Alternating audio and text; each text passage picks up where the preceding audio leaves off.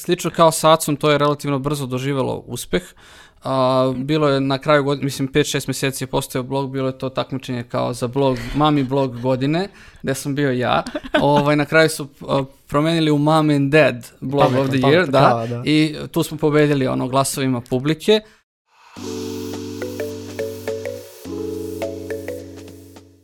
Ćao ljudi, dobrodošli u novu epizodu Netokracija Office Talk podcasta. Ja sam Marko i danas ću biti vaš domaćin, a boj Netokracije brani moja koleginica Milana.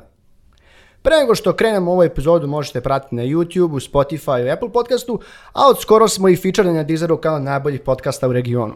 Tako da, što bi rekli mladi, like, share, subscribe na naš podcast da poraste taj YouTube kanal. Danas imamo posebnog gosta, tu nam je Strahinja Ćalović, marketar, kažem, mam- mama blog godine i pričat ćemo generalno o uspehu profila koje je Strahinja napravio na društvenim mrežama, kreiranju zanimljivog sadržaja, YouTube-u kao karijeri, pošto sad Mhm. je YouTuber, i generalno digitalnom marketingu koji radiš za, za klijente. Pa Strahinja, dobro nam došao. Zdravo, već su navikli na YouTube da počnem sa zdravo. Hvala vam na pozivu, nadam se da ćemo biti ovaj, zabavni danas. Pa trudit ćemo se. Trudit ćemo da malo više opušteniji, mislim da je to neki dobar vibe za cijelu epizodu. Ukratko, ako bi krenuli, kako bi predstavio sebe? Kako si uopšte ušao u sve digitalnog marketinga i onako šta si, kako, kako je došao do toga? Ja kad krenem da pričam o tome šta radim, pokušavam da budem što kraće radim dosta različitih stvari, a da opet ne udavim ljude objašnjavajući. U osnovi ja se bavim digitalnim marketingom sa fokusom na društvenim mrežama. Znači u pitanju je marketing na društvenim mrežama za klijente, komercijalne klijente iz raznih industrija. Pored toga većina ljudi me zna baš po tim stranicama koje sam kreirao. Prvo Acu informaciju, sad Tati dnevnik, eto sad imam i YouTube kanal, skoro, imam skoro sve, znači sve sam skupio. O, I ljudi me uglavnom znaju po tim side projektima koji su meni opet s druge strane dosta iznačili u karijeri jer su me ljudi prepoznavali, aha ti se time baviš i tako dalje i tako se to ono kotrlja iz godine u godinu i evo sad već početkom iduće godine će biti recimo 10 godina kako se bavim digitalnim marketingom. To je zaista onako, tu si od početka, što bi rekli. Pa da. Da. Da, ja, ja imam običaj da kažem, to sam baš, eto imao sam sreću da, da predajem na mom fakultetu skoro, odnosno početkom ove godine. Ja sam baš studentima rekao, ja kad sam počeo, kad sam upisao faks, moj posao nije postojao. Tako da nije to sad nešto kao što sam ja planirao, već se to desilo sticajem raznih okolnosti. A što si ti Milana htjela da, da budeš kad si bila mala? Si znala šta ćeš da se baviš? Apsolutno, znači ja mislim da ni danas ne znam čime želim da se bavim, a ono, kao li kad sam bila mala. Pa da, mislim, taj digitalni marketing, uopšte digitalni mediji, eto, kao pre 10 godina nisu postali kao takvi ili su bili negde u začetku. Dobro, ovaj, email adresa je postala pre 10 godina. Jeste, da jeste. to, Ja sam ovaj, imao baš utvrdimo. dosta e-mail adresa. Da, da, da, da, vidio sam da si pravio isto ovaj klip oko toga. E, mi smo se malo pripremali oko toga, o pripremne epizode, gledali smo šta si radio, došli smo nekih zanimljivih onako stvari, da si ovaj, bio scenarista kod Ivana Ivanovića, tač, to, pa pričat ću malo o tome, i da si pisao na Vojakli, jel tako, da si bio jedan od istaknutih autora. Tako je. Znači šta si radio tačno kod Ivana Ivanovića i kako je to tvoje pisanje ti pomaže danas da budeš kreativan? Pa u principu to je išlo ovako, ja sam pisao na Vukajli uh, definicije koje su bile srž sajta tada, pa su onda došli posteri, naravno kad dođu slike dođu i ljudi, jel te, i onda sećate se koliko je sajt bio popularan. Međutim, meni je stvarno fokus bio na definicijama, ja sam ne znam za nekih 7-8 mjeseci postao najpopularniji autor na sajtu po definicijama, po broju tih plusića koje možete da skupite. I onda jedno večer sam gledao Ivana Ivanovića, on je raspisao konkurs za scenaristu i nešto u šali smo ja i tadašnja devojka, sadašnja supruga pričali kao e mogu bi da se prijaviš? I ja se prijavim i pošaljem tako baš neke definicije i neke svoje aforizme i to. I stiže mi mail posle par dana, eto imali smo, to je dokaz da smo imali mail, o, stiže mi mail posle par dana, je zdravo Ivan je kao kad možemo da se vidimo, da popričamo i tako dalje. I eto postanem ja tako scenarista ovaj, te emisije, a doduše jedan od uh, više scenarista, to je stvarno ekipa koja brojila je tad, ja mislim, deseta članova i mnogo zabavnih i kreativnih stvari tu ima. Radili smo jednu sezonu i to mi je dosta doprinalo posle, ja obično kažem, a, na nivou suete, jer znate, kreativni poslovi su puni suete. Vi jednostavno napišete nešto, aha, ovo moje je bolje, ne, njegovo je bolje, obrađujemo slične teme i tako dalje, nas deset. I onda shvatite vremenom, da, ipak ovo što su izabrali za emisiju, ipak je to možda malo bolje napisano nego ovo moje. I kažem, taj posao mi je osim na tom kreativnom planu dosta pomogao da se oslobodim te sujete, da shvatim da dobra ideja može da dođe od bilo koga, da eto, nismo svi sad predefinisani, sve što ja napišem je sjajno, nije tako. I znači ti si generalno, koliko vidimo, imao dosta iskustva što se tiče i pisanja i svega i onda mislim da ovi uh, uspeh koji si napravio sa tim informacijom i sa tatinim dnevnikom nije kao e bum desio se, nego O- i tekako je bilo u, rada U isto principu, tako je, ajde da, da kažem da je tako. Ja sam pisao i za Newsnet jedno vreme. O, oni su prepoznali Acu posle mesec dana postojanja na Facebooku, što sad je to logično, ali 2012. verujte mi nije bilo logično da, aha, napravio si stranicu na Facebooku, hajde da radimo specijal za evropsko prvenstvo. Međutim, News je to prepoznao i tu smo počeli da radimo, posle smo radili neke nesportske stvari. Ovaj, tako da mislim da mi je sve to doprinalo bar pomalo da pišem razne stilove, da sam sebe ajde da kažem, korigujem, da opet i u Newsnet vi pošaljete tekst pa vam oni obrade pa vi onda shvatite da da, to treba zbog toga i toga, tako i tako, tako da kažem, sva ta korigovanja, sve te vežbe su mi doprinale da danas relativno brzo i relativno lako mogu da stvaram sadržaj koji je, da kažem, po standardima i koji ovaj može da prođe u tom marketing svetu, bilo da je PR tekst, bilo da je sad influencerska objava i slično.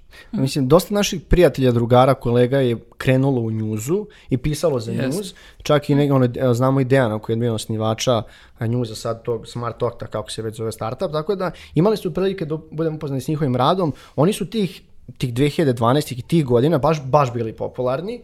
Ok, sad je to malo, znaš, onaj, sad su oni malo više, onaj, čak i, ne kažem politički akteri, ali ima ih više na, i malo rade s Ivan Ivanovićem i sa, nek, sa Kesićem. Sa Kesićem, da. i neke druge stvari. Ono što da te, to sam da te pitam, što je meni bilo ovaj, zanimljivo oko tog scen, scenarija, to je ipak skroz drugi svet. Znači ti, ono što moram shvatimo, jednu TV emisiju pravi, znači tu je bilo 10 ljudi, vjerojatno Da. sad ima još više. Da, da. To su mnogo veći budžeti, mnogo veći pare, mnogo veći sponzori, mnogo veći rič imaš kod publike. Znači ono, koli, ono, mislim da je to dosta bitno iskustvo koji si, koji si imao. Pa jeste, jeste, ovaj, bitno je iskustvo i dobro je i za CV na kraju krajeva, ljudima je to nešto, mislim, najpopularniji talk show kod nas već godinama unazad, ali kažem, meni je najviše doprinelo u tom smislu što sam radio stvarno sa velikanima, sa ljudima koje sad, ne znam, gledate u četiri i po muškarci i tako dalje, to je sve scenaristička ekipa, sada već pokojni gospodin Dejan Pataković koji je pisao i za Minimaxa i tako dalje, znači stvarno sam radio sa najboljima na sceni i to je dosta doprinelo da se ja tu malo, ajde da kažem, unapredim i, i malo po malo, mislim da sam opet kažem došao do nekog nivoa gde mogu relativno lako da kreiram sadržaj. E sad opet kažem, ljudi e, znaju da zamere svim humorističkim emisijama, ovo je moglo bolje, ono je moglo bolje.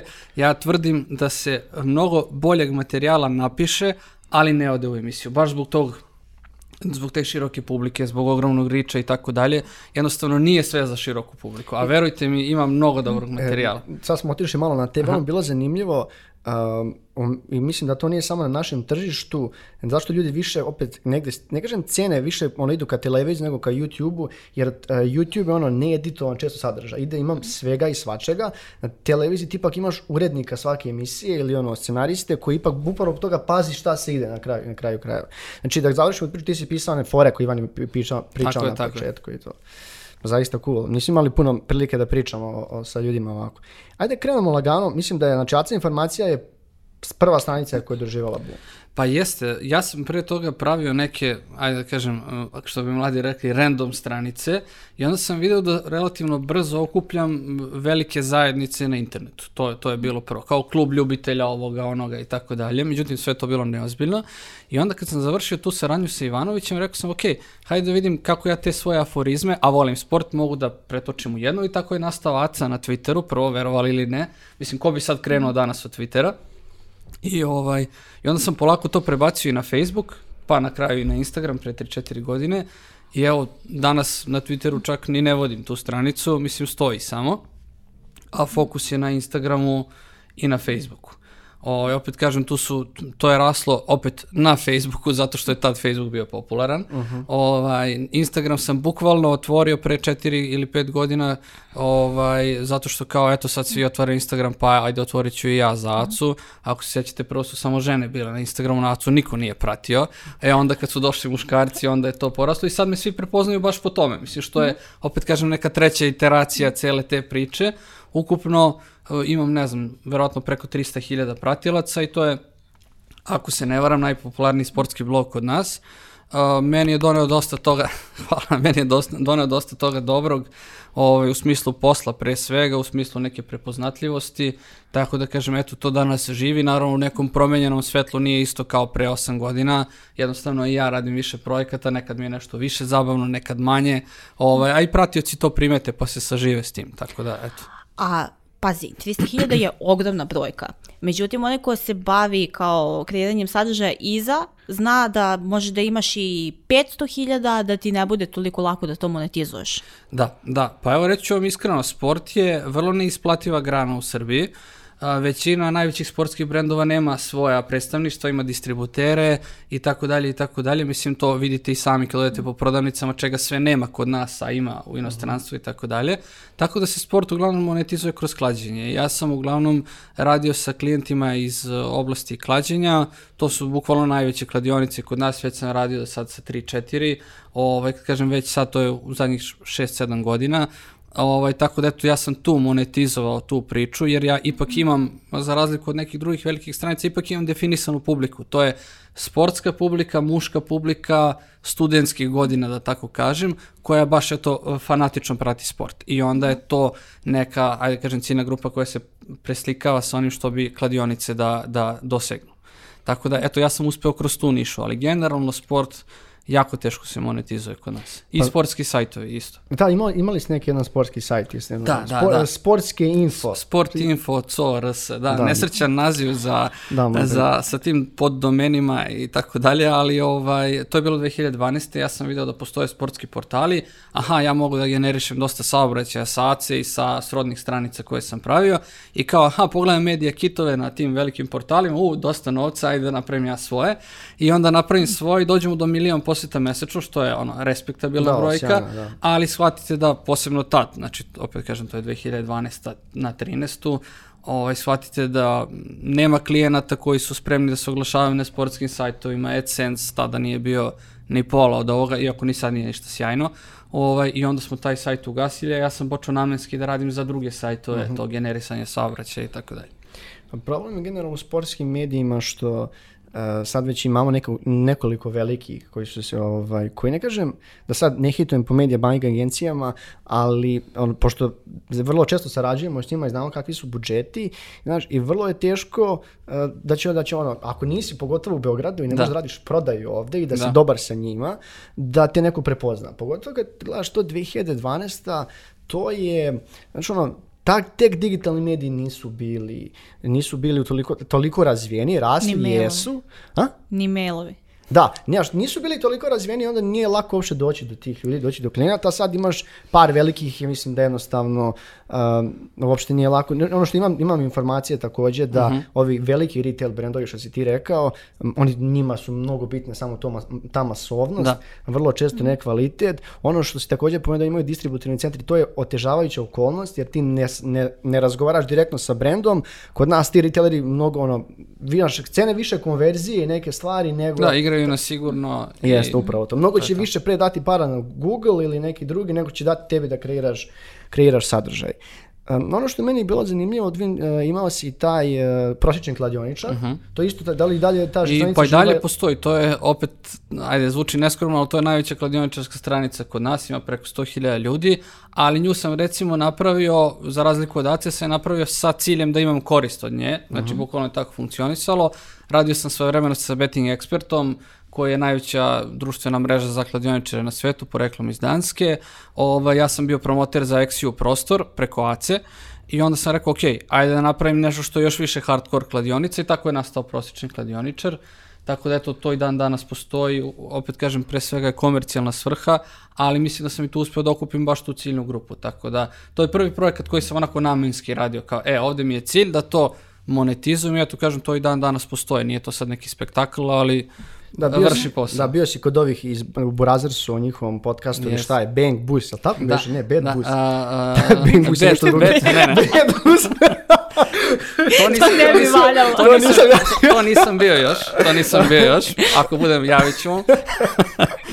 ovaj, bio sam u Bet busu koji rade Burazirsi, koji su o, ovaj, tu priču sa kladioničarskim communityjem, da tako kažem, digli na još viši nivo, to je Kecko, moj drug, ovaj, i on to radi sjajno. Ovaj, on je tu priču kladioničarsku uspeo da prenese na Instagram, da okupite e, ljude koji se Da, on ima i klade. sajt koji ima dosta Ne, registrovanih članova. sajt, iza, sajt da. razbija takođe, tako da kažem, oni imaju baš dobar community, ja sam bio gost, bili su gosti oni kod mene na ACI, Mhm. tako da to je jedna od jačih priča kad su društvene mreže kod nas u pitanju. Meni oni malo djeluju na neku, a, onaj barstool, ako znaš šta je barstool sport u Americi, kao to mi nekako deluje kod nas, ali mnogo na ranijim početcima. Barstool ti je jedan naj, najvećih uh, sportskih sajtova na svetu koji ima ozbiljnu vrednost, pošto sportski sajtovi vrlo često, kao što si rekao, ne mogu te viewove da donesu brendovima. Uh, oni su, Barstools je nastao pre 20 godina u tamo negdje u okolini Bostona, gdje su pravili kao u printu, gdje su Dave i ekipa pravili kao ono betting i ostale stvari, ako je u Americi to dosta under the radar, mm su napravili ajde da pravimo sajtove o, koji sport nije u fokusu, nego su u fokusu, ne znam, ljudi koji se bave fantazijem, sportom i slično. I ono sad je, sad je u Americi dozvoljeno klađenje. Da, ali fantasy, para. fantasy tržište je ogromno u Americi. E, Vredi, da, to je vredi to. više milijardi godišnje. I sad, evo sad recimo kako kod njih dolazi, to mislim dolazi zakonski, ovaj, a, to, to sportsko klađenje, tako kod nas sad dolazi fantasy. Sad manje više sve kladionice imaju fantasy u ponudi. Znači to je veliko tržište, neke nove stvari Ogromno, koje mogu da rade. Ogromno je, da. E sad se, da se maknemo sa tog uh, sportskog sektora, sektora uh, na ono što meni nekako odmah privuče pažnju čim ono neko po- spomene Strahinja Ćalović. Znači, Strahinja, ti si muškarac koji je poneo titulu a, ma- blog mama godine Da. ili kako god. Mislim, to je Ma mi smo ono pisali mamika kategoriji, čisto ironično, Da, ali da. ovaj, da. što je ono potpuno kao wow. Pa eto, to se desilo prošle godine. Ja sam uh, u julu prošle godine, dosta sam vagao, uh, iskreno, uh, moj posao, s obzirom da se bavim klijentima, u jednom trenutku postao uh, dosta naporan u smislu mnogo kampanja, mnogo uh, editovanja oglasa, budžeta, kampanja tog tipa, plaćenog i tako dalje.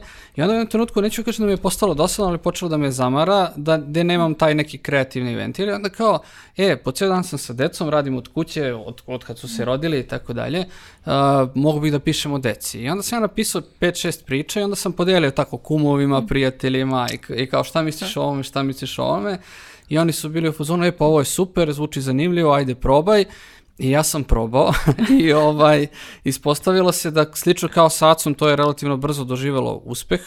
A, bilo je na kraju godine, mislim 5-6 mjeseci je postojao blog, bilo je to takmičenje kao za blog, mami blog godine, gde sam bio ja. Ovaj, na kraju su a, promenili u Mom and Dad blog Pametno, of the pametno, year, da, da, da. i tu smo pobedili ono glasovima publike. Ovaj, I ta priča je ispala jako interesantna i čak me sad ljudi više prepoznaju po tome nego po Aci koji je veći, zato što verovatno se i moj lik ipak, ono, 90% fotografije je iz kuće i tu sam i ja i tako dalje. Eto, to sad prati već 70.000 ljudi.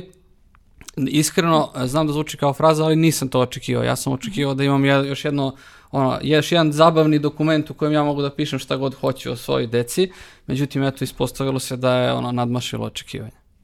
E sad, uh, znači, koliko god ono, mi hteli da kažemo, to je stranica Stahinja Ćalovića, realno to je Vukanova i Višnjina Jest. stranica, jeste. apsolutno.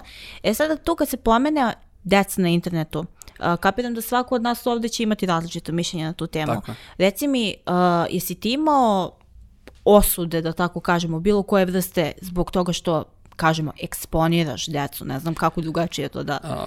Evo kako je Naslovim. bilo, znači ja u tom, u tom svom razmišljanju, kad sam slao ta dokumenta u krug, sam razmišljao i o tome sa decom i onda sam a, stavio, neću kažem na papir, ali ono, stavio ono na dva tasa vage šta, je, šta, šta treba da radim, šta ne treba da radim. Onda sam rekao, ok, svejedno je da li imam pet slika svoje dece na internetu ili 555. Moj profil prate ljudi koji prate, ne znam, Macu i tako dalje. Lupam ja na Instagramu, sad mene prati 10-12 hiljada ljudi, a, to je već mnogo ljudi. Da, I čim je otvoreno, mislim, ne postoji sad tu neka razlika između toga da li je to na većoj ili na manjoj stranici. Naravno, pridržavam se stvari kao što su privatnost, gledam da te slike i sve ostalo bude nešto što ispunjava neke standarde i lepog vaspitanja, kućnog vaspitanja i tako dalje. Naravno nema psovki, nema grubih reči, nema gole dece, toga sam recimo, tome se ja recimo jako protivim i tako dalje. Znači takve stvari izbegavamo, trudimo se da napravimo jednu priču koja je pristojna, mislim da nam za sad ide ok. E sad što se tiče prisutnosti dece na internetu, kao što si rekla, ima tu sad e, mnogo mišljenja. Svako treba da radi po svom ukoliko to ne ugrožava njegovu, ne znam sad, privatnost, bezbednost i tako dalje. Ja mislim da sam uspeo da nađem neku liniju koja je odgovarajuća. Često me pitaju ovaj, i kao koliko će to da traje, pošto je ljudima zabavno, već su se saživeli sa decom i tako dalje.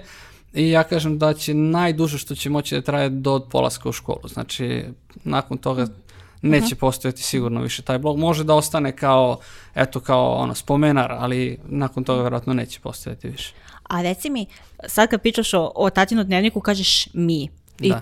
to stvarno jeste vi. A reci mi koliko ti Marija, tvoja supruga, u stvari pomaže u tome, jer treba mislim, ishendlovati sve. To je ipak dvoje male dece, videli smo gomila klijenata, gomila biznisa i svega, kako ono, se se Pa, podelili. a, u principu, zato sam i rekao, mislim, ti si to eto, lepo i prepoznala, ovaj, jeste mi, iako sam ja autor toga što piše, vrlo često je ona ta koja je sa decom, snima ih, snima nas i tako dalje, odnosno pokušavamo da uhvatimo, kad kažem snima, pokušavamo da uhvatimo neke realne trenutke gde oni možda ni ne vide da ih snimamo, jer onda se blesave i tako dalje i tako dalje su već ajde ovaj, i porasli malo, ali kažem, Marija mi dosta pomaže, interesantno je da je uz... Uh, tatin dnevnik i njen lični blog dosta porastao. Ona sad već ima skoro, ne znam, 30.000 pratilaca, gde opet ona piše na neki drugi način i o roditeljstvu i o nekim, ajde kažem, ženskim temama, tako da su sad ta dva bloga prilično komplementarna, pa čak ono i klijentima vrlo često bude zanimljivo da, da imaju kampanju gde, koju mi promovišemo komplementarno kroz ta dva Jasno, bloga. jasno, jasno. Tako da kažem, eto, ako pratite i tatin dnevnik i nju, onda imate jednu onako celovitu sliku o jednoj porodici koja bi trebalo, eto, da bude pristojna, normalna i zabavna. Mislim, zbog toga ljudi i prati. A što i jeste. Pa da, meni je ta stranica, ono što kažem, ne kažem otkrovenja, ali zaista zanimljiva. Ja evo, više pratim nego Acu informaciju, zato što je, e, klijenti su baš zanimljivi i pričali smo pre ovog, uh, devojčica je zaista onako, izvor onako, baš izvor, ne kažem da je smešna, ali onako kad je vidiš i te njene reakcije, valjda što je mala i, Da. i vidim, onako vidi da je vezana dosta uz tebe Jeste. i neki video, kli- na YouTube je par ovaj, videa bila, a, meni to baš deluje zanimljivo i mislim da je, ono što smo, ono što smo da pričamo, postoji dosta takvih blogova, ne kažemo roditeljstvo, nego kao,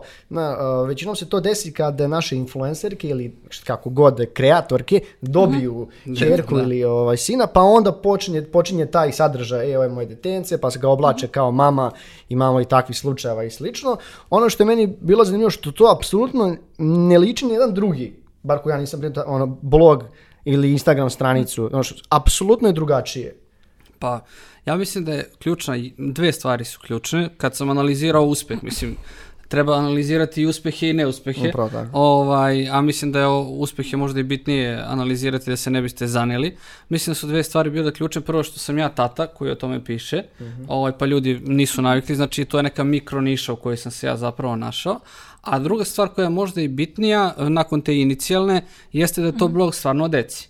Znači, meni tim blogom uopšte nije bio cilj, evo i vi ste sami pomenuli, to je Vukanov i Višnjin blog. Znači, nije to blog o meni i, i šta sam ja obukao i kako ću ja da izgledam i gde sam se proveo i da li sam išao u bioskop, već je to blog kako dvoje male dece odrastaju, šta rade, kakve faze imaju, pa se onda i drugi roditelji prepoznaju i tako dalje i tako dalje. Naravno, o tome je doprinalo i to što se ja tim inače bavim. Jeste, upravo to. Svakako da je to bio ono olakšavajuća okolnost. A reci mi, znači, kad pomenemo tu kao mama kategoriju, uh onaj ko prati te niše, zna da je to koliko god ono deluje nežno i fino i sve, s druge strane puno je osuđivanja i puno je onako, baš onako čvrstih nekih stavova koji su, na koje ne biste ono naišli na Pa jeste, ja iskreno nisam pratio tu nišu, sve dok ja nisam postao deo nje. Kada sam otvorio nalog, rekao sam supruzi, ej, ti to pratiš, daj mi ono 10, 15, 20 mama da zapratim čisto im šta rade. Mislim, o čemu se radi, da ne upadnem baš Jasno, ono. da.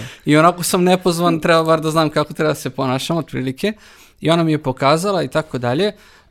U principu, ja bih tu priču, ono, odmakao bih se korak dalje, jer generalno Instagram, ajde da ne ponavljamo sad hiljaditi put, ali stvara te neke uh, socijalne pritiske na ljude. I onda kada u taj socijalni pritisak ubacite roditelja koji ima malo dete, koji je samim tim pod pritiskom i pokušava onda da odgovori na pritiske okoline i tako dalje, vi dobijete onda neku salatu u kojoj uh, ti blogovi vrlo često izgledaju čudno, gde ljudi ne smeju da kažu aha, dao sam detetu čokoladnu bananicu, nego evo dao sam mu uh, onu pločicu od Helde, pa nisam mu dao jer je dete i ne zanima ga to. Jede tri puta dnevno, ima užinu, ima voće, ali voli da pojede i slatkiš i tako dalje. I mislim da je to veliki problem. Znači Instagram kao ajde da kažem, koncept života danas je napravio zapravo problem kod većine tih ljudi, kažem, koji su, eto, ako su, kao što ti rekao, sveže mame, koja opet nije to četvrto dete, nego je prvo i, možda, i niko ne zna kako s prvim detetom baš apsolutno treba da se ponaša, plus pritisak i vi onda dobijete, opet kažem, neki krajnji efekat gde ovaj, ima i osuda, onda a, vi, opet kažem, a, vas ako prati hiljadu ljudi, ne mora da vas prati 50.000 ljudi. Od hiljadu ljudi sigurno će vas neko osuđivati i od vaših prijatelja, od vaših poznanika, tako da ljudi samo treba da skaliraju to i da shvate koliki broj ljudi zapravo to vidi i da je sasvim normalno da imaju po neki negativan komentar, da se neko ne slaže, a da opet moj savjet njima je da budu svoji, stvarno da, da ne pokušavaju da sad naprave neku sliku koja nisu oni. To je, to je poenta iz mog ugla bar. A da se za trenutak ponovo maknemo na ovu biznis stranu. Uh meni se čini da je kategorija uh, Instagram profila kao što je Tatin dnevnik daleko bolja za monetizaciju od Jest. Aca informacije. Jeste, ja recimo, evo daću vam primjer kao, ja kažem ono, postao sam influencer više puta, to glupo zvuči, ali različite su oblasti. ovaj, i, I poenta je u tome da recimo Tatin dnevnik ima pa rekao bih 10 do 20 puta više ponuda nego ACA informacija za, za influencer marketing. Uh, iskreno već smo odbili neki od najvećih brendova zato što ih ne koristimo. Znači to je bilo, to je neki ono, postulat koji smo mi uh, postavili tako kako smo postavili, a to je da ako mi nešto ne koristimo nećemo da preporučimo da drugi roditelji koriste za svoju decu, ali kažem to je bukvalno na dnevnom nivou, sad se osjećam kao fashion blogerka, meni stižu paketi i paketi svaki dan. Znači to je Znači, prosto... to, to je stvarno kao stvarna stvar, dolaze da, Da, da. ono kao, Da, da. e, možete da recenziju ili review ovog. ili Jeste, ostale jeste, stvari. jeste i kažem broj ponuda je stvarno nevjerojatno. Mislim da ne postoji i ole veća agencija, ajde kažem u Beogradu, odnosno u Srbiji, ali ajde opet u Beogradu, s kojom nismo nešto radili, ovaj, kao i brendovi. Mislim, stvarno smo radili sa najvećim brendovima od početka.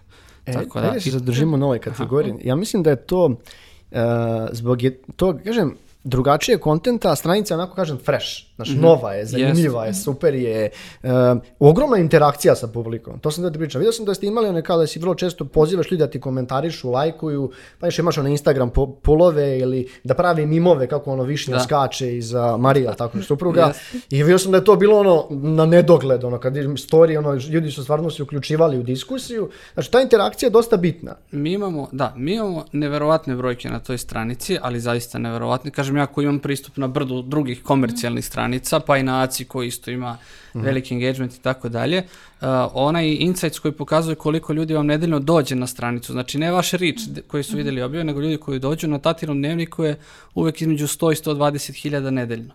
Znači 15-20 hiljada ljudi u prosjeku svaki dan dođe da vidi da nešto nije propustilo.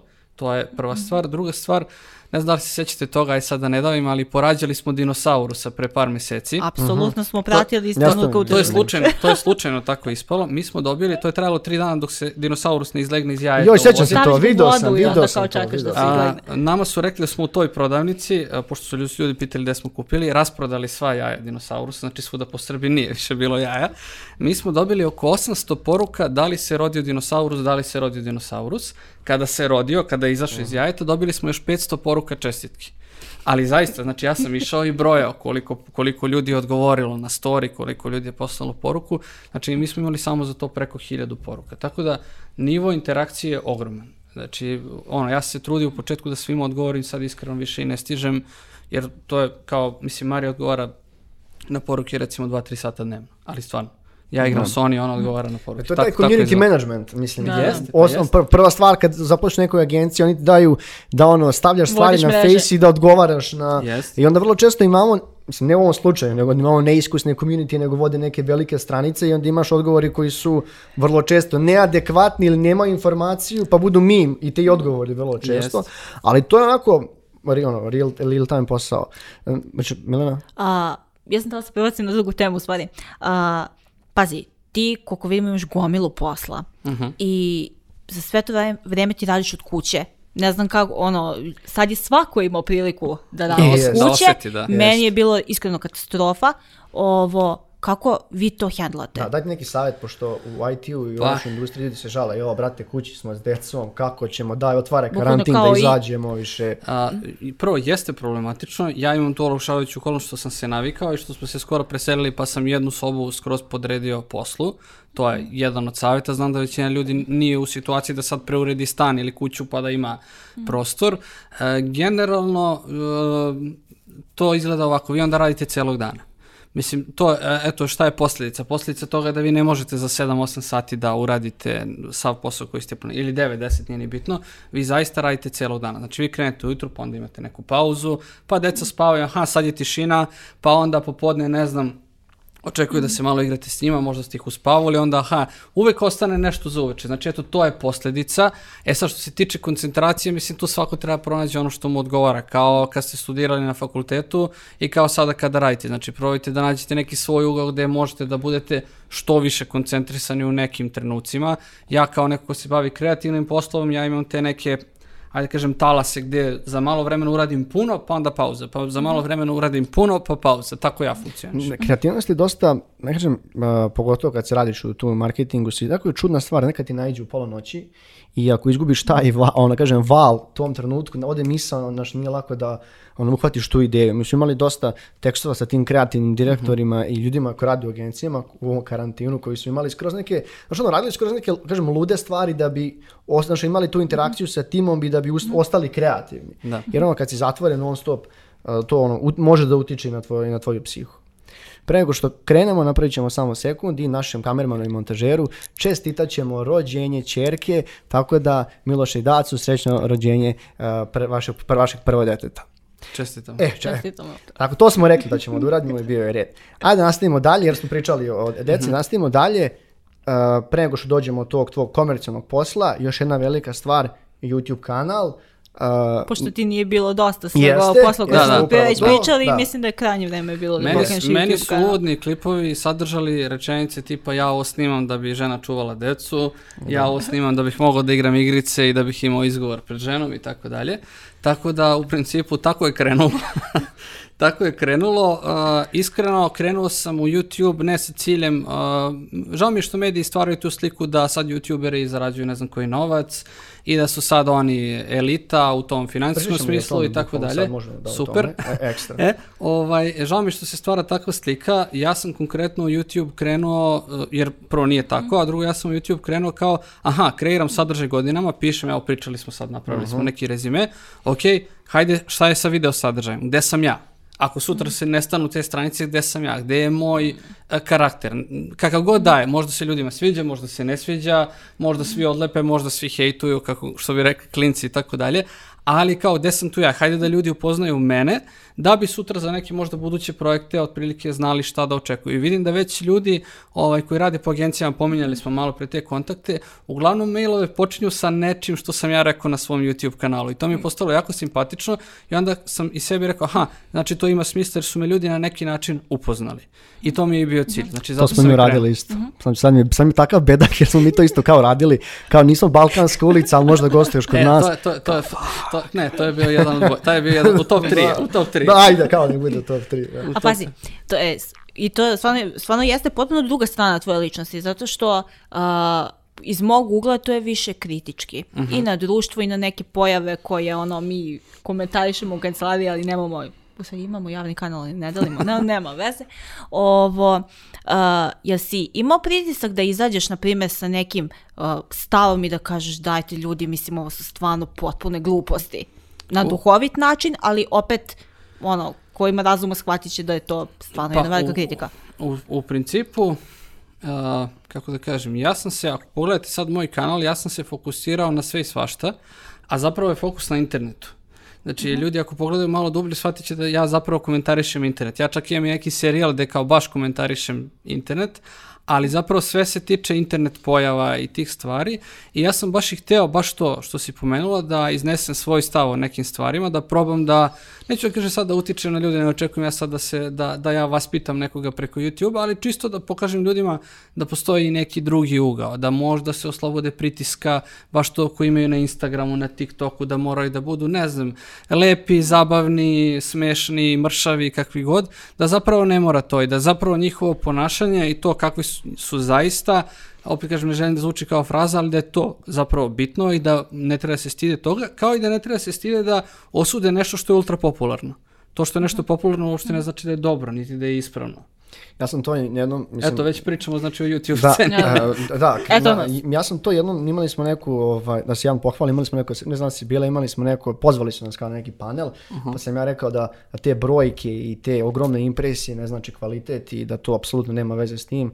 Mislim da su ovi naši najveći youtuberi apsolutno klasičan primjer toga, ovaj, jer to je, osim što je clickbait najgore vrste, što e, vrlo često je degradirajuće, ponižavajuće, um, oni imaju taj, youtuberi imaju taj ponekad, znaš ono kao, ja sam to snimio, to je moje mišljenje, nije strašno, ali ono zašto je mene privuklo na tom YouTube kanalu, um, zato što ja mislim da je to, ne, mi smo neki slični godina, mislim da ti 90, jel tako? Tako je, tako Mi smo ovdje 91. svi u kancu, Milena je malo mlađa. Ja sam 93. Da, Nisam. O, Dobro, mislim- ne, nije, nije dobro što sam najstariji što imam svoj YouTube kanal, ali ja Mislim, ima, imamo ga i na, naš se zove, odnosno Kracija Office Talks, da pratite naš YouTube kanal.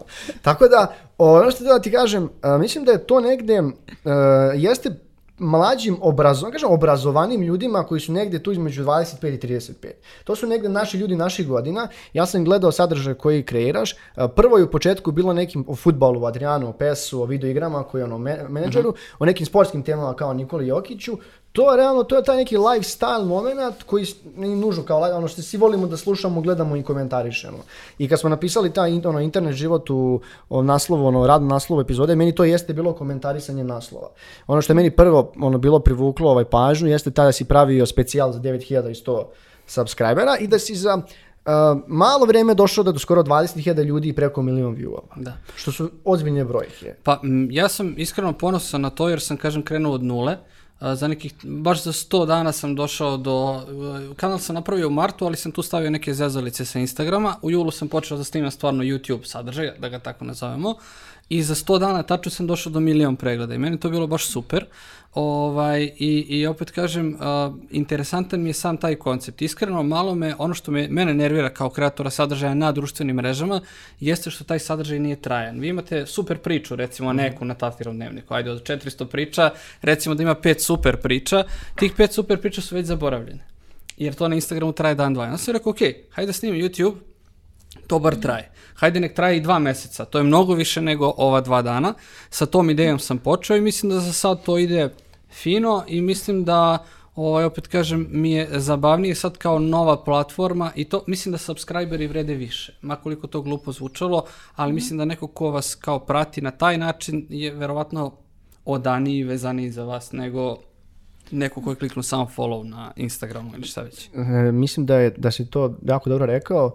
Pošto ja dosta pratim taj influencer marketing u inostranstvu, imamo ogromne primjere gdje sada kreatori sadržaja prave aplikacije, imaju milionske biznise, ono, skaliraju razne stvari, ne prodaju samo merch, nego i, ne Jasno. znam, i ima rade super neka sponzorstva za kafu, proizvode svoju kafu, proizvode, ne znam, svoje parfeme, imamo da je David Dobrik napravio čak i daje snagu YouTube-a, YouTube koliko god i sad TikTok bio a, no, no, u ogromnom rastu, Instagram da je tu, YouTube je i dalje najvrednija platforma koja ti daje mogućnost da se sam monetizuješ od nekih svojih pregleda i, i nekako e, po meni uvijek bi pre izabrao, ne znam, 50 ljudi, 50.000 na YouTube nego milion na Instagramu. Iskreno isto da. Meni je žao što sam, ajde da kažem, to relativno kasno shvatio. Ako bih nešto promenio u, svom, u svojoj dosadašnjoj karijeri, to je da bih rani, ranije krenuo sa YouTube. Sad naravno uvijek ima ono, možda nisam bio zreo za to, možda nisam to hteo tad, nisam imao vremena. A, svadba, selidba, deca i tako dalje, sve to oduzima vreme naravno. Ovaj, ali od YouTube-a. ali ovaj, kažem, eto, to sam i ja mislim shvatio i to je sad neki moj stav.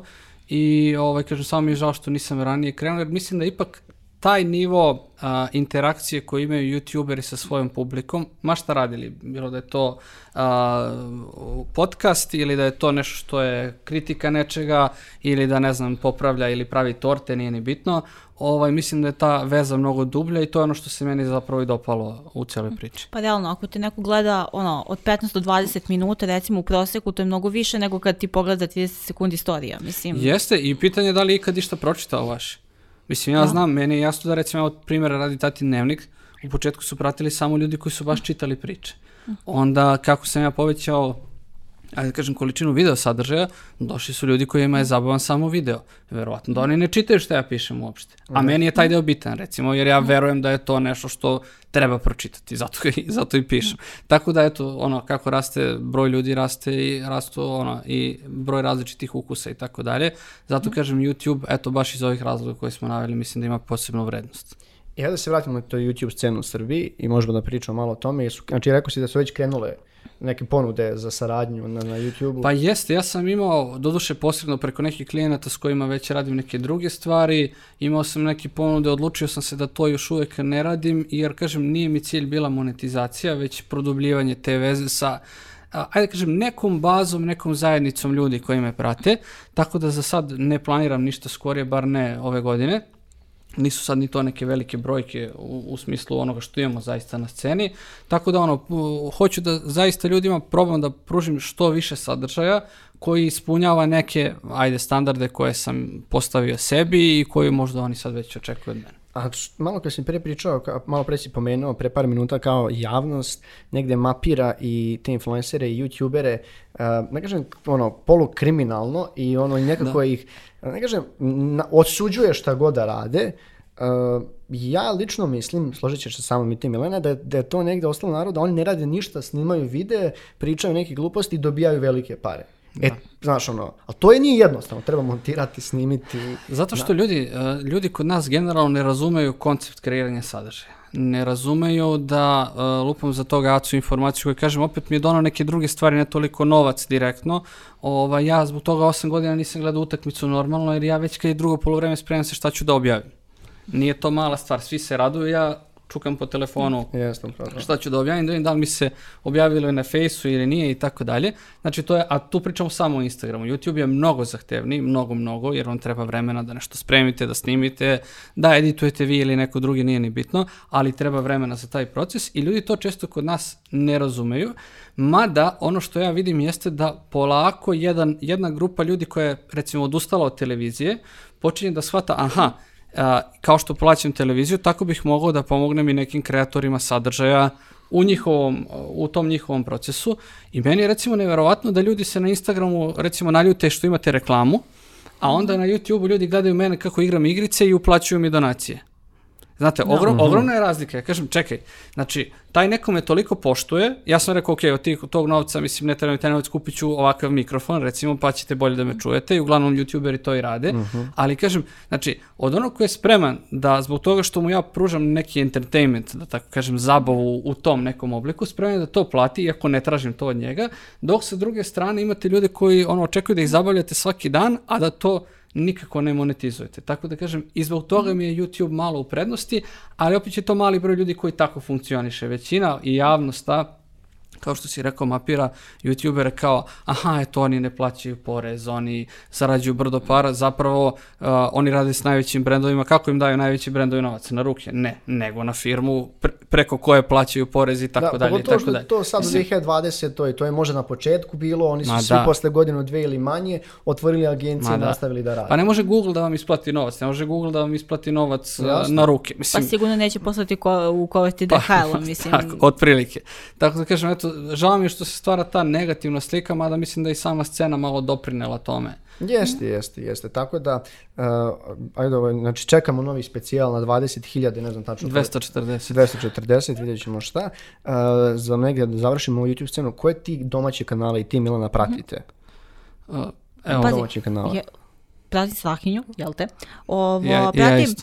pratim o, ženska ste kanale, pratim ono, bilo šta što je vezano za beauty, ne, ne, za neki sad, slobodno, lifestyle. slobodno reci sad. Ovo, uh, ono, kao posao mi nameće da gledam mnogo popularnije kanale ili ti baku prasveta. Šalim se, ne, svašta nešto. Bukvalno, sve što ono podigne neku famu ja uzmem pa pogledam, pa onda ono selektujem i od toga što i, i od tog sadržaja koji generalno nije neki, možda izvučeš nešto što valja. E, znaš što je bajni problem sa YouTube-om? Na, domaćem, tr, na domaćem sa tržištu e, nemaš puno profila koji targetiraju na našu ciljnu grupu i naših godina. To su većinom, ovo, većinom su de, ono za dečulovi. Da, da, da. Ima par profila koji su negde, na primjer, ne znam, bio je nekad dnevnja koji su pravili skeče, Milaković e, ima ono, tu i tamo uvek, nek, njim, nije mi svaki video wow, ali neki su mi zanimljivi. Ne znam koga bi još tu izdvojio. Pa, što se... Ima i ove ozbiljne teme, njega sam pogledao, ne gledam, ne gledam ga onako religiozno, pogledam ponekad video, i sad ima familija, on mi onako, on mi je u fazonu a, po meni a, zvezda 2020 naše za YouTube i internet scene. Jeste, eto sad si mi ukrao to da sam htio na kraju u pregledu godine da, da ga proglasim za zvezdu godine, tako da 100% je. ko gleda ovo i ko bude gledao taj moj video za tri mjeseca, Da. spojlovano je. no, što sam htio da kažem, ja isto ovaj, slažem se, za, pogledam sve te stvari koje naprave boom, pa onda selektiram. Meni su lično omiljeni kanali, znači Miloš Milaković, definitivno, kao neko ko bi mogao da napravi da bilo šta bude zanimljivo. Pored njega tu su ozbiljne teme koji stvarno ima a, jedinstven koncept kod nas i koji, hajde da kažem, stvarno već dugo kreira dobar sadržaj. Tu je Mario Vreća, ne znam da li ga pratite, on možda, sam neke. on možda, meni on bio recimo iskreno prvo brz, to sam mu i rekao, posle ovaj, sad mi je baš kako treba, jer sam ipak ja malo stariji čovjek, pa eto. Da, meni je kad je isprezivao Niksu Zizua, samo sam to gledao, Da, rekao, da, ok, da, tako i da, treba. i ima, ima, imao je neke stvarno fenomenalne videe i generalno, a, a, ajde da kažem, njih trojica, a, možda sam sad nekog, vjerojatno sam zaboravio, nekog baš od tih klasičnih A uvek youtubera. zaboraviš nekog i onda kao... Da. Ali dobro, on, njih, njih, da kažem, najrevnosnije pratim i voleo bih da oni postanu dominantni na našoj sceni. Znači, e, možda nikad neće postati u smislu brojki, ali u smislu da ih određeni broj ljudi, a, a, po- kad kažeš YouTube scena, pomisli na njih, to bih voleo da se desi. Da, to je bilo, da ne mislimo na, ne znam, na baku praseta, onog Janka i Da, da, klince pa da, koji, mislim, meni je taj sadržaj konkretno od ovog drugog kriminala. Ali, Jest. mo- mislim, jeste, ovo, kli- kriminalan je i za klince koji gledaju, ali opet, ono, kapiram i njih. Mislim, Ne. oni traže prvenstveno zabavu. Mislim Ne, da evo- oni ne traže kao neku Re- nešto... Ne, ne, evo reći ću iskreno, ja sam počeo, zbog- kad sam, pošto ja imam izražen takmičarski duh a, u sebi, ovaj, i, i kad sam kre- krenuo YouTube kanal, počeo sam da pratim sve žive, posebno te vodeće, da kažem, da bi, da bi video šta rade, i meni iskreno nije jasno kako su došli dotle dok su došli. Znači, da li možda njima sad presušila inspiracija ili šta već, ali vi ako pogledate, ok, klinci traže zabavu, ali nije zabavno. Mislim, to, to, je, to, je, to je moj utisak pre svega. Mislim, gledao bih ja ako je zabavno, ako ništa drugo, kažem, eto, igram igrice, pa nek se čuje nešto u pozadini, ali nije, nije zabavno. Nije I mislim, mislim da trenutno, evo sad, sad je oktobar 2020. Mislim da postoji jedna velika kriza na YouTube-u i mislim da ovi koje sam pomenuo da su dobri, da tek dolaze, da ovi polako padaju. Iako brojke to ne pokazuju, ali mislim da, da ih se publika zasiti. Kriza na YouTube, to mi se sviđa kao neka tema buduća za podcast. Pošto sad već pričamo 40 i nešto minuta. Ajde, ovaj, pošto da neke završimo tu YouTube, za od YouTube, pa ćemo, na, da, da, za šest mjeseci kad budeš imao milion ili koliko god, dođemo opet da pričamo o tome. Može. Ja, ne, znači, u tom negdje, u tom, tvom prvenstvenom poslu digitalnom marketingu, a, ne moramo da objašnjavamo ljudima šta je neki koji gledaju netokraciju, već znaju. Jasno. Znači, čime se prvenstveno, u kom marketing, inače digital ima mnogo vertikala, ti si pregledao ste većinom, to je social media, to je community e, za brendove. Mislim, ne znam da li smeš da kažeš i možda i ne treba s kim, možda ne moraš da kažeš s kim si sarađivao, ali ono, možeš da mu opišeš šta tačno radiš i ono, koliko već dugo. A, pa eto kažem, radim već deseta godina. A, 2011. sam stvarno počeo da zarađujem prvo od tog community managementa, kao što si rekao, to je neki ono najniži nivo i početak.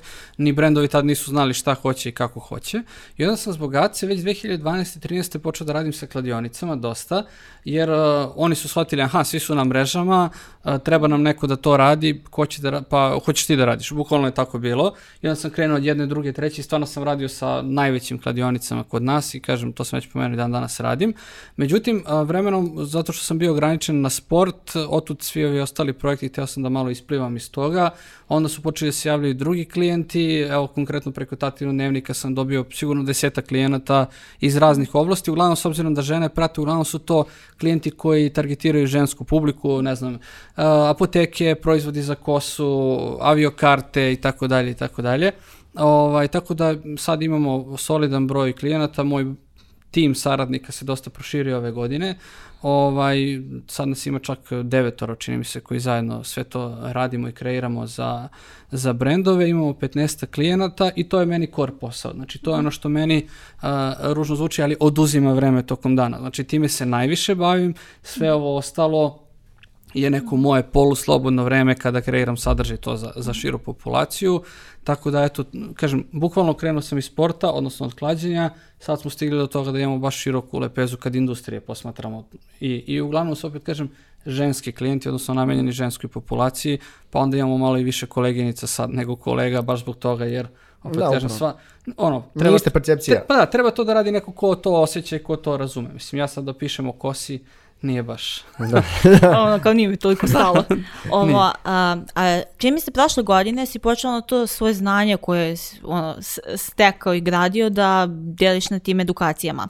Je Da, tako? da. a, zapravo počeo sam početkom ove godine, a, iako sad ova godina deluje e, beskrajno dugo, ali to je bilo početkom ove godine, ja sam krenuo sa kursevima, a, jer sam pre toga 4-5 godina radio edukacije za firme, za novinare koji su sad trebali da, da pređu na, na društvene mreže, da nešto objavljuju tamo, za, ovaj, za NGO sektor i tako dalje. Baš sam dugo radio, znači nekoliko godina i onda sam rekao, ok, hajde da napravim kurs u svoje lično ime i to je krenulo uh, u januaru i februaru ove godine. Uh, održao sam tri kursa ili četiri i onda se desilo ovo sa pandemijom i tako dalje i onda sam tu stao i onda sam rekao ok, hajde da iskoristim uh, ovo vreme koje nemam da snimim i online verziju kursa, tako da sad imam i online kurs. Kažem, nažalost, uh, to se obustavilo, plan je bio da obiđem manje više celu Srbiju, ono, od Subotice do Niša dole, stigao sam samo do Beograda i Kragujevca, trebalo imao sam zakazan kurs i u Banja Luci, čak smo nešto pregovarali i za Beč, međutim, kažem, eto, to se desilo i onda je prirodno, eto, proisteklo ništa sad nešto posebno kreativno, ali prirodno proistekla ovaj online verzija kursa. A reci me ti korona još na neki aspekt posla uticala ili ono, Pa, uh, u principu trebalo je da se pojavim na dosta konferencija ove godine, jer su Kao i ljudi mi, kro, kroz da ih tati- organizujemo. Da, a, da, i trebalo je da kroz Tatin dnevnik dosta podelim i ta iskustva, kažem, imao sam pozive za Hrvatsku, Bosnu i za Srbiju i tako dalje. To je recimo, od toga smo, to je recimo otpalo, kursevi su otpali kao takvi, iako su, jel te, profitabilni. Ovaj, I to, e, par klijenata su bili više pogođeni, to je logično, recimo kažem aviokarte. Mislim, jasno vam je To da da. takvi biznisi imaju nula prihoda. Turizam, Sad, aviokarte, event management. Da, da. E, sad što se tiče njih, tu smo imali recimo, tu imamo neki ono sporohodni režim sad trenutno dok se to ne unormali, ali bilo je klijenata koji su, da kažem, profitirali tipa apoteke. Tako da kažem, bilo je onako turbulentno. Ono što sad osjećam jeste da u ovom posljednjem kvartalu svi pokušavaju da nadoknade to što se desilo, pa je sad prilično gužva. Ovaj, ne znam kako kod vas, ali baš, Jest, baš, jest, baš je jest. naporno, pretpostavljam, pošto ste vi u centru zbivanja, pretpostavljam da je i kod vas, ono, svi hoće sve ono, danas za juče, tako da, eto, sad smo u toj fazi. to je taj tipičan oktobar, ono, Jeste, leto bude novembar. prilično ravno Da, i da. onda kreće Ma da i ovo septembar, leto bilo, oktobar. nije baš bilo pretarano ravno kao što, kao što zna da bude mirno prethodnih godina. Uvijek je negdje u ovom našem agencijskom medijskom poslu između tamo 15. jula do 15. avgusta pa znači onda sve treba Da, se da, da, spremi. da, jasno. Ove godine to malo krenulo kasnije, jer imaš su ljudi kasnije otišli na odmor. Kasnije su otišli svi na odmore, mi smo recimo imali, kad pratimo prodaju kod klijenata online prodaju, Mhm. nama je recimo avgust bio užasan, što je prevažilo za jul. Prvo, E, I pomerilo. pomerilo se otprilike za mjesec dana. Septembar je bio, aha, ljudi su i dalje, no, čekajte kako deca škola i ostalo, ne, ne, i dalje su ljudi na odmoru, tako da, eto, oktobar je septembar, eto. E, tako je nešto bilo, e, tako nešto bilo svuda. E, ono što ti kažem, pošto znam da vrlo često i pričali su Milaković i, i d- ovaj, Dulora kad su bili ovdje, oni su se žalili kako je to njih niko jadni iz Novog Sada, znaš, oni su nisu u Beogradu, ne mogu oni, nema, znaš, Novi Sad daleko si odušio od svega, od, od, od- i onda kako, kako je kad si u Kragujevcu? Još, još gore. Još gore, ja. Još gore, evo reći ću vam ja, o, o, iz mog ugla to izgleda ovako, Uh, ja sam možda za sve ove godine rada imao jednog ili dva klijenta iz Kragujevca, svi ostali su bili iz Beograda. Ne zbog moje tendencije da sad ne radim ni sa kim u Kragujevcu, jednostavno sve se dešava ovde, uh, ajde kažem, ono, daleko smo od tih oči i ušiju, a daleko su i naše oči i uši samim tim, tako da, tako da dosta je teže, Međutim, kažem, eto sad, zbog ove pandemije, ta neka mini pozitivna st strana jeste što se ljudi prebacili na to online, pa sad kao, aha, ti si tamo, možemo da imamo sastanak danas ili sutra i da se dogovorimo, e, mi radimo digitalne, moramo sad da ti donosimo, ne znam, 100 kila proizvoda, možemo to da slikamo i ovde, a ti da dobiješ u tom formatu i tako dalje. Ali, kažem, generalno, da, i, iako je Kragovec ono posle Niša i Novog Sada najveći grad, ovaj, realno se osjeća da je, da je dosta manji od Beograda. A, mislim, manji su budžeti, manja je percepcija ljudi, znaš, ka digitalnom marketingu, ka Jest. marketingu isto. Znaš kako u tim manjim mestima ljudi misle da je ono, marketing prevara, da duže, Da. kao majno. I, I nažalost imamo dosta takvog razmišljanja i kod preduzetnika većih nekih. Pa ne, evo sad kad bih vas pitao, navedite mi neke velike firme iz Kragujevca. Da li biste mogli? Pa Fiat je tu. Dobro, mislim, A okej. mislim, znamo za neke ono IT kompanije koje su otvorile E da, znamo, znamo, znaš. kva, tu je, ima Uh, Quantox, ima tu, 3AP, ja 3AP mislim ima da je je- Spin i tamo, da. ostali, da, Da, da, ali, da. ali ovaj, i to je to. Ali Ali, tu, to bukvalno to je recimo to. nije moja oblast poslovanja, jer oni uglavnom idu na employ, employment branding Max, i tako apoteke, dalje. su oni iz Kragujevca. A, Kruševca. mislim da nisu, Tako mislim da nešto, nisu. Nema. Tako da, tako da kažem, vidite, teško je, mislim, Da. teško je, posebno, a zašto? To ne znači da nema firme, ali je marketing na lošem nivou i zato vi niste čuli za njih. Jeste, upravo to. To je, to je uzročno posljedečna stvar. I ono, držimo fige da će to da se menja jer ono, nema leba ako nisi online. Pa ja se nadam u taj IT, eto, kažem, vi znate nekoliko firmi, ja ih znam nekoliko, ovaj, odnosno malo više, uh, i Comtrade ima centar u Kragujevcu i tako, tako da kažem, eto, ja se nadam da će te stvari zapravo da naprave, da, da, sma, ono, da budu most između Beograda i ostalih gradova. Koliko znam, Novi Sad je tu solidan.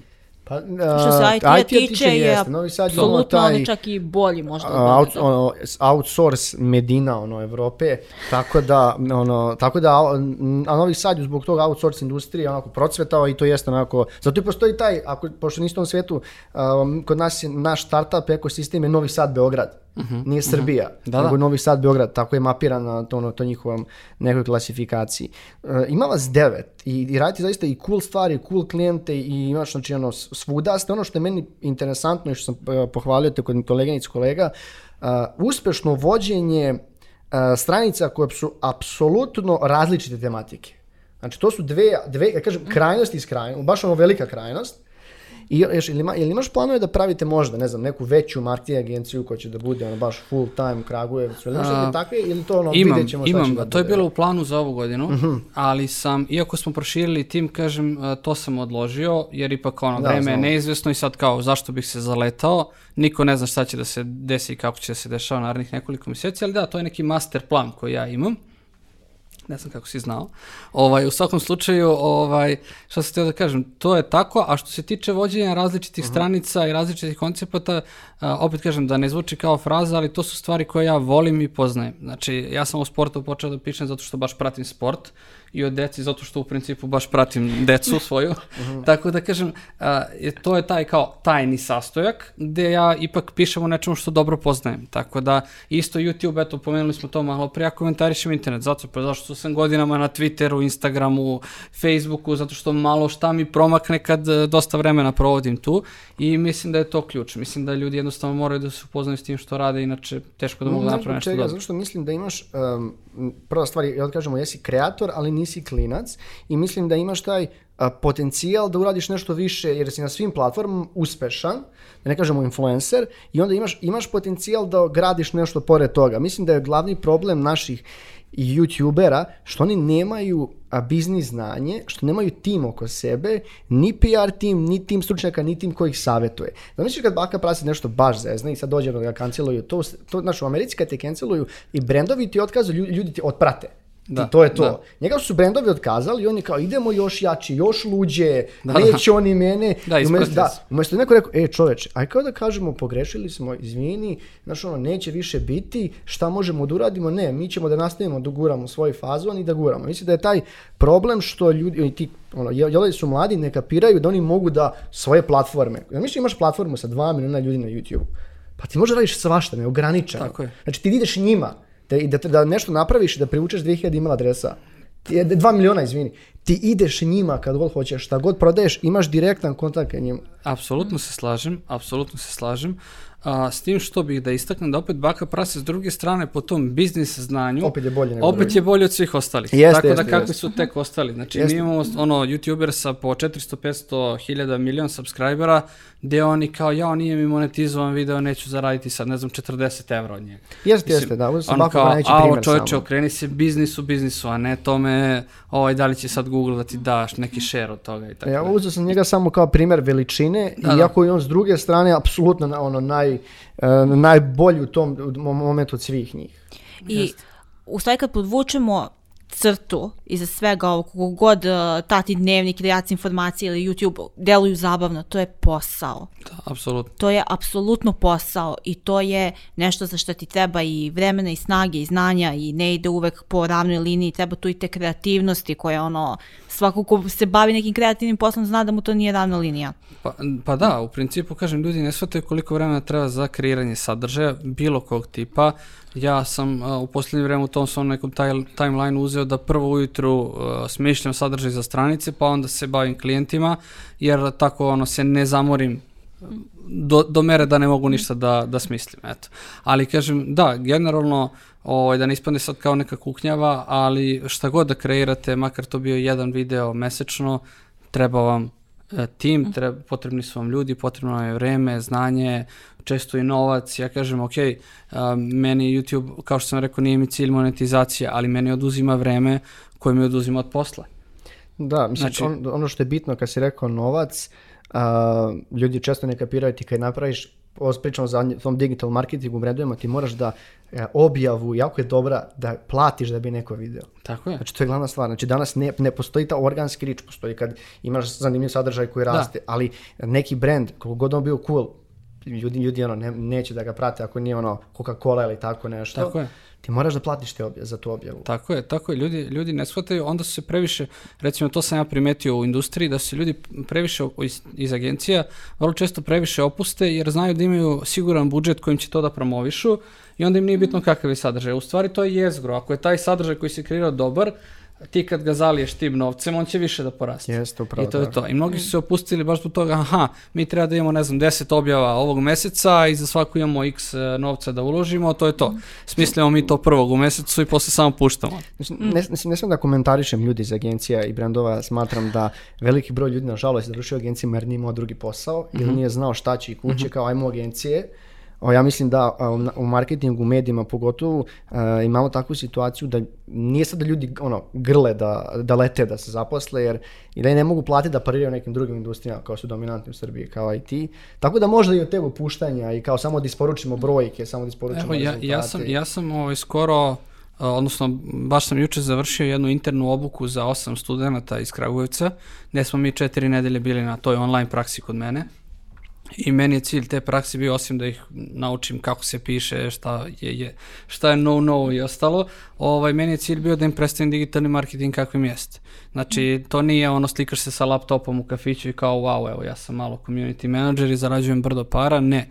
Nije tako, postoji nekoliko nivoa toga što može da se radi i to je to. I mislim da o tome treba dizati svijest da se ne zaleću ljudi ni koji završe možda neke druge fakultete u to i kao e to je sad što ti kažeš Meka i Medina pa će tu sad Ja- da se usreće i neće ništa da rade, Ja, to je čuveno. iz Loznice mislim da možda 10 ljudi, ma da ima šanse, od 5 do 10 ljudi koji rade negdje u marketingu, da li brenda, da li nekoj agenciji, daj Bože da je 5 do 10. Da. Mislim, loše, generalno, loše svijest o tome, samo. Ali ja mislim da ćemo opet da se pokrenemo u nekom pozitivnom smeru. Mislim da ne možemo da idemo dalje, možemo da idemo samo napred. Tako da, ono. Kombinacija korone i toga što moramo da budemo online, mislim da će neminovno dovesti do toga da ćemo postati ono na nivou nacije, možda više digitalni. Digla se svesti kod potrošača koji su shvatili da stvarno mogu da poruče nešto da im to stigne na adresu. Kao da su bili tamo radni. I da im to štedi vreme. posebno u većim gradovima. Evo, kažem i u Kragovicu je sad postala saobraćena gužva, počela je da se kreira. I to oduzima vreme. Za Beograd da ni ne pričam, jel te? Da, to je. Ovaj, tako da kažem, eto, počeli su to da shvataju ljudi. To je, ono, čak i pozitivna stvar svega ovog negativnog što se desilo ove godine. I onako za kraj jedno pitanje i za tebe i za tebe. Šta vam je razlika, pošto smo pričali o youtuberima, o influencerima, šta je razlika po tebi, šta odvaja, ko je za tebe influencer? Ne mislim, ne mislim nužno osoba, nego šta je, šta je to? Ako šta Za, za mene influencer neko ko ima definisanu ciljnu grupu, po nečemu, bar, ako ništa drugo, bar po godinama, što je najšire moguće, i ko zaista utiče na njih. Znači, neko ko može e, nešto da im prodaje. Kad kažem proda, ne mislim samo na materijalno, nego mislim i na utisak, stav i tako dalje, što se sve češće, jel te, prodaje takođe. Ovaj, ali kao što sam pomenuo, znači to je neko ko u nekoj ciljnoj grupi ima neki uticaj na ponašanje tih krajnjih korisnika koji primaju te informacije. Eto, to je za mene influencer. Milena? Uh, ja bih danas u ovom trenutku influencera kao osobu od uticaja definisala kao osobu koja nije dozvolila da postane billboard. Da, može tako kažem. E, ja mislim, ja ću samo da kažem da ja mislim da sva, a, spomeni, svi su to kreatori sadržaja na internetu, redko ko je tu influencer u svojoj niši. E, mislim da smo došli do kraja ove današnje epizode. Ona nam je zvanično najduža epizoda koja je otišla prvi put preko sat vremena, a mislim da smo mogli još duže nego smo majde kao... pišem u CV. E, tako da, Strahinja, hvala ti puno. Hvala vama na pozivu. Vas još jednom želim da po- podsjetim ili pozovem da zapratite Netokracija Office Talks na YouTube-u, na Deezeru, Spotify, Apple podcastu, Google podcastu i svim drugim streaming platformama. Hvala što ste gledali, pišite nam u komentarima sugestije, negativne komentare, šta god, a mi se gledamo u nekim narednim epizodama. Pozdrav! Zdravo.